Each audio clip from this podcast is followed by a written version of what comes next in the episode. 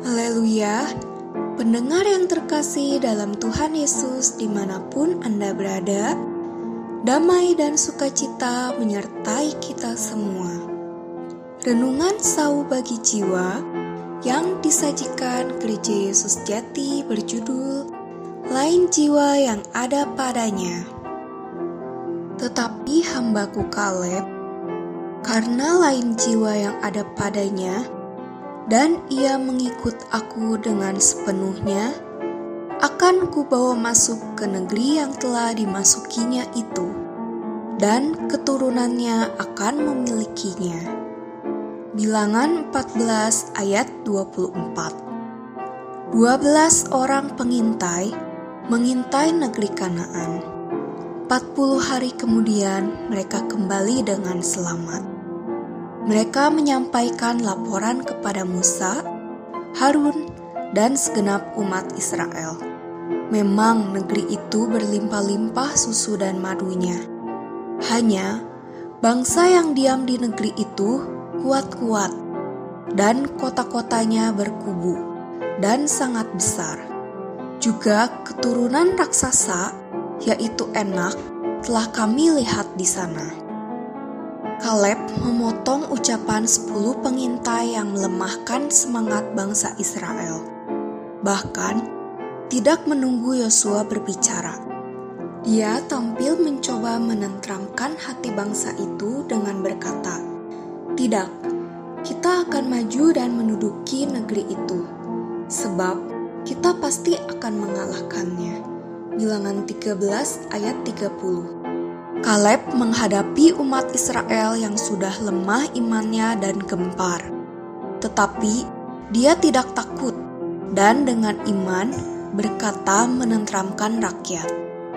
Dari sini, kita bisa melihat kesetiaan, iman, dan ketaatannya kepada Allah yang sangat kuat, sedikit pun tidak kalah dari Yosua. Kemudian, setelah dia sudah tua, Kaleb menawarkan diri untuk maju berperang melawan orang-orang enak. Sewaktu berhadapan dengan Yosua, dia berkata, "Jadi sekarang telah berumur 85 tahun aku hari ini. Pada waktu ini, aku masih sama kuat seperti pada waktu aku disuruh Musa. Seperti kekuatanku pada waktu itu, Demikianlah kekuatanku sekarang untuk berperang dan untuk keluar masuk. Yosua 14 ayat 10 sampai 11. Dari sini kita tahu kemampuannya berperang juga tidak kalah dari Yosua. Tetapi sewaktu Musa mati, Kaleb tidak dipilih Allah untuk menggantikan posisi Musa.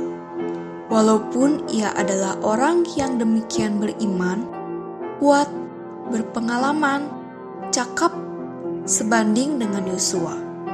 Mungkin banyak orang merasa ada ketidakadilan bagi Kaleb.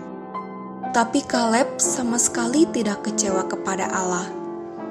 Di kemudian hari, ia pun tidak pernah dengan sengaja berseberangan dengan Yosua dan mempersulit Yosua dalam memimpin bangsa Israel. Bahkan setelah dia tua, dia masih dengan rendah hati menempatkan dirinya sebagai bawahan, meminta izin kepada Yosua untuk maju berperang melawan orang enak yang raksasa. Betapa lapang dada Kaleb ini, betapa lain jiwa yang ada padanya. Bayangkanlah, bahkan orang biasa saja sulit menerima dan taat pada pilihan Allah yang memilih Yosua.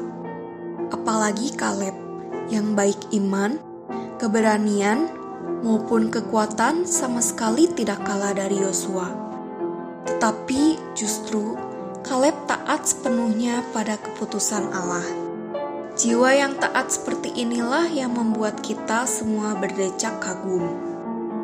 Karena itu, Allah memuji Kaleb yang mempunyai lain jiwa yang ada padanya jiwa yang sepenuhnya mengikuti Allah dan taat kepadanya.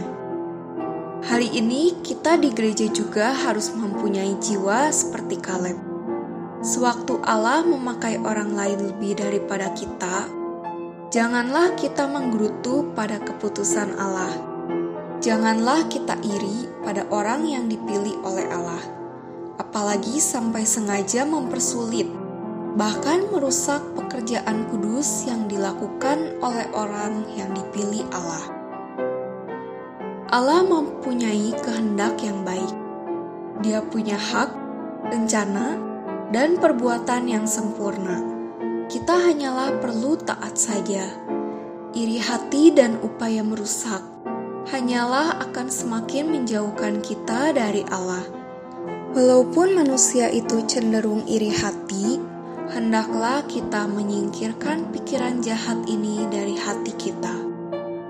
Kita harus selalu menganggap orang lain lebih utama dari kita dan taat sepenuhnya atas pengaturan Allah. Dengan demikian, gereja pasti ada damai sejahtera dan Injil pasti akan berkembang dengan cepat. Tuhan Yesus menyertai kita semua. Amin.